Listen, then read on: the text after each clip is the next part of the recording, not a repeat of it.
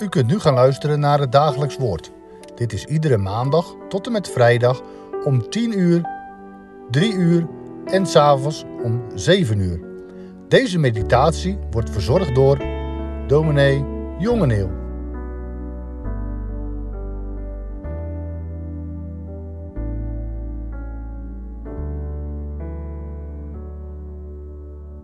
Goedendag luisteraars. Het dagelijks woord voor vandaag wordt gevormd door Rut 4, vers 11 tot en met 13.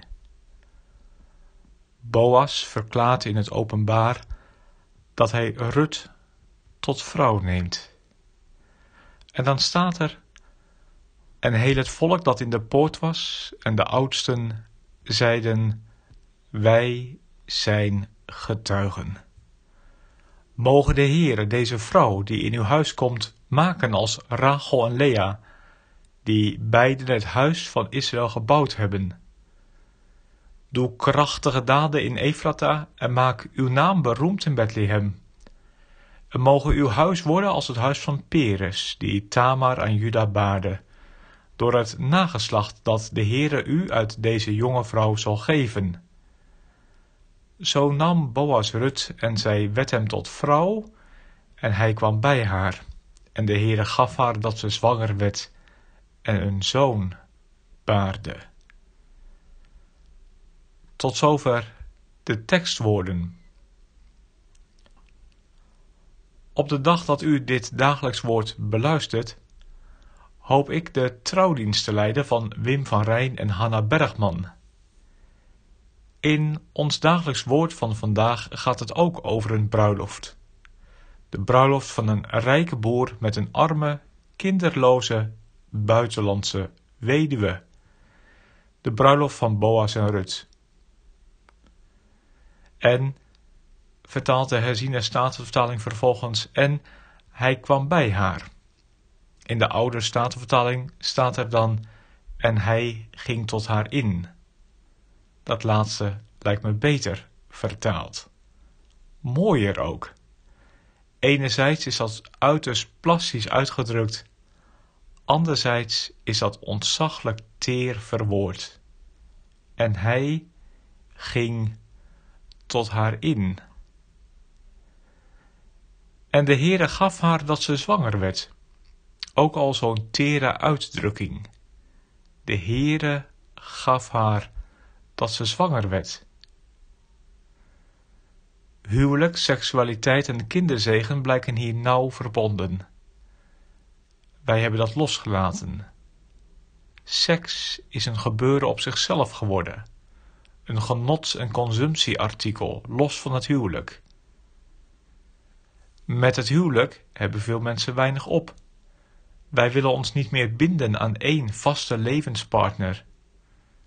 En het krijgen van kinderen denken we zelf in de hand te kunnen nemen. Wij hebben het dan ook over kinderen nemen en kindertjes maken. Met voorbehoedsmiddelen en zo nodig abortussen proberen we het allemaal zo goed mogelijk te regelen.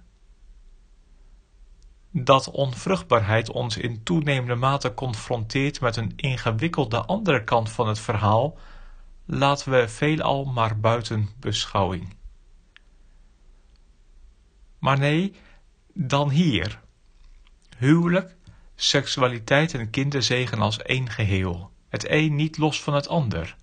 Zo nam Boas Rut en zij werd hem tot vrouw en hij kwam bij haar, hij ging tot haar in en de Heere gaf haar dat ze zwanger werd en een zoon baarde.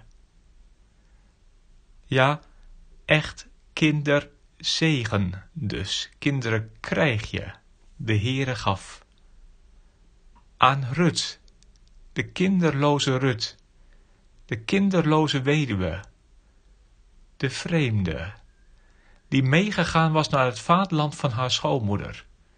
Haar schoonmoeder die had gezegd, waarom zou je met mij meegaan? Heb ik nog een zoon in mijn lijf die je tot man zou kunnen zijn? Ga toch terug, mijn dochter. Ik ben te oud om voor je nog een man ter wereld te brengen.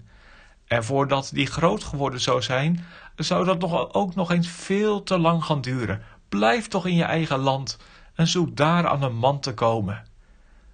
Maar Rut had haar aangekleefd, zich aan haar schoonmoeder vastgeklampt.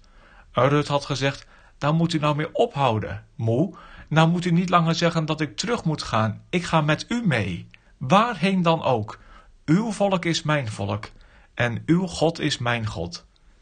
En zo is ze gegaan. Meegegaan. Naar Bethlehem. Maar het was tamelijk kansloos allemaal. Wat moest er van haar worden?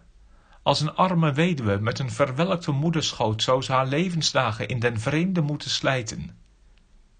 Maar zie, hoe anders is het gegaan, zo anders. En zo waar, ze hoort er nu echt bij. Uw volk is mijn volk, uw God is mijn God, jawel.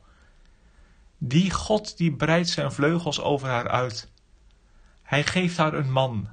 Hij opent haar baarmoeder. Hij schenkt haar de kinderzegen. En hij gebruikt Rut in het voortbestaan van zijn volk. Mede uit haar is de Messias geboren. Uit Rut, een vrouw, uit het volk van Moab. Wie had het ooit kunnen denken? Het doet ons heel hoog denken van de vrije macht van God. Hij gaat zijn eigen, ongekende, soevereine gang en hij verkiest wie hij wil.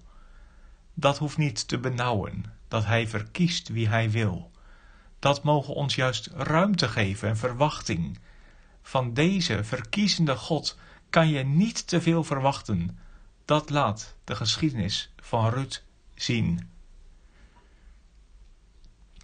Met de geboorte van de jongen gaat de wens van de huwelijksgetuigen in vervulling.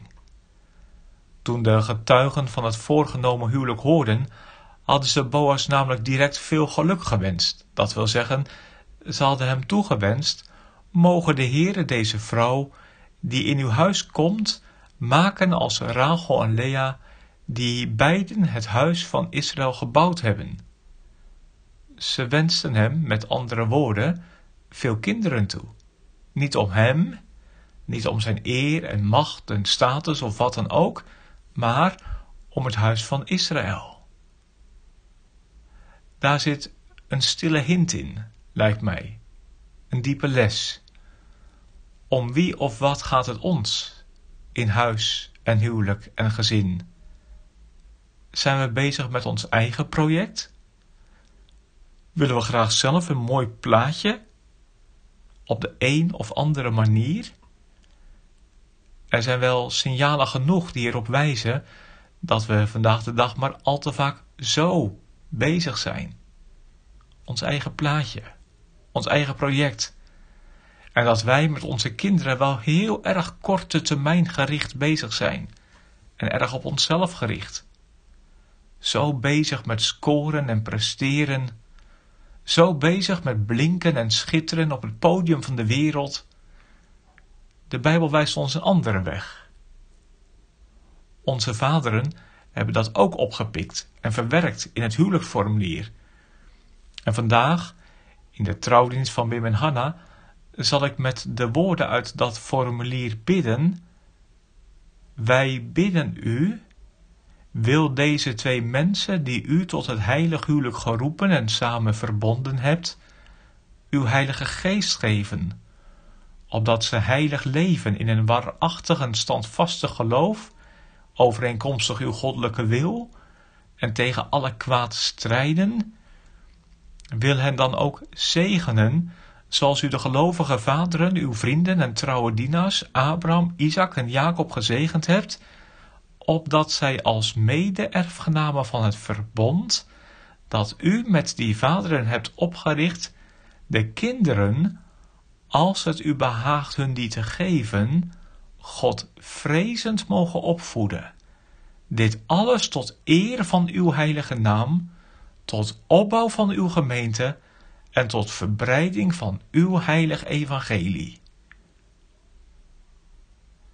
Nou, zo zij het, dit alles tot eer van uw heilige naam, tot opbouw van uw gemeente en tot verbreiding van uw heilig evangelie. Zo zij het bij Wim en Hanna, in hun huwelijk en in al onze huizen. Leven, trouwen, kinderen krijgen en opvoeden in de hoop, ons richtend op de opbouw van Gods gemeente en het volle heil van Zijn koninkrijk. Tot zover voor vandaag, naar aanleiding van deze paar versen uit Rut 4. In het besef dat ook deze woorden heel veel kunnen oproepen, omdat alles rond seksualiteit en relaties, rond huwelijk en kinderzegen zo heel gevoelig kan liggen.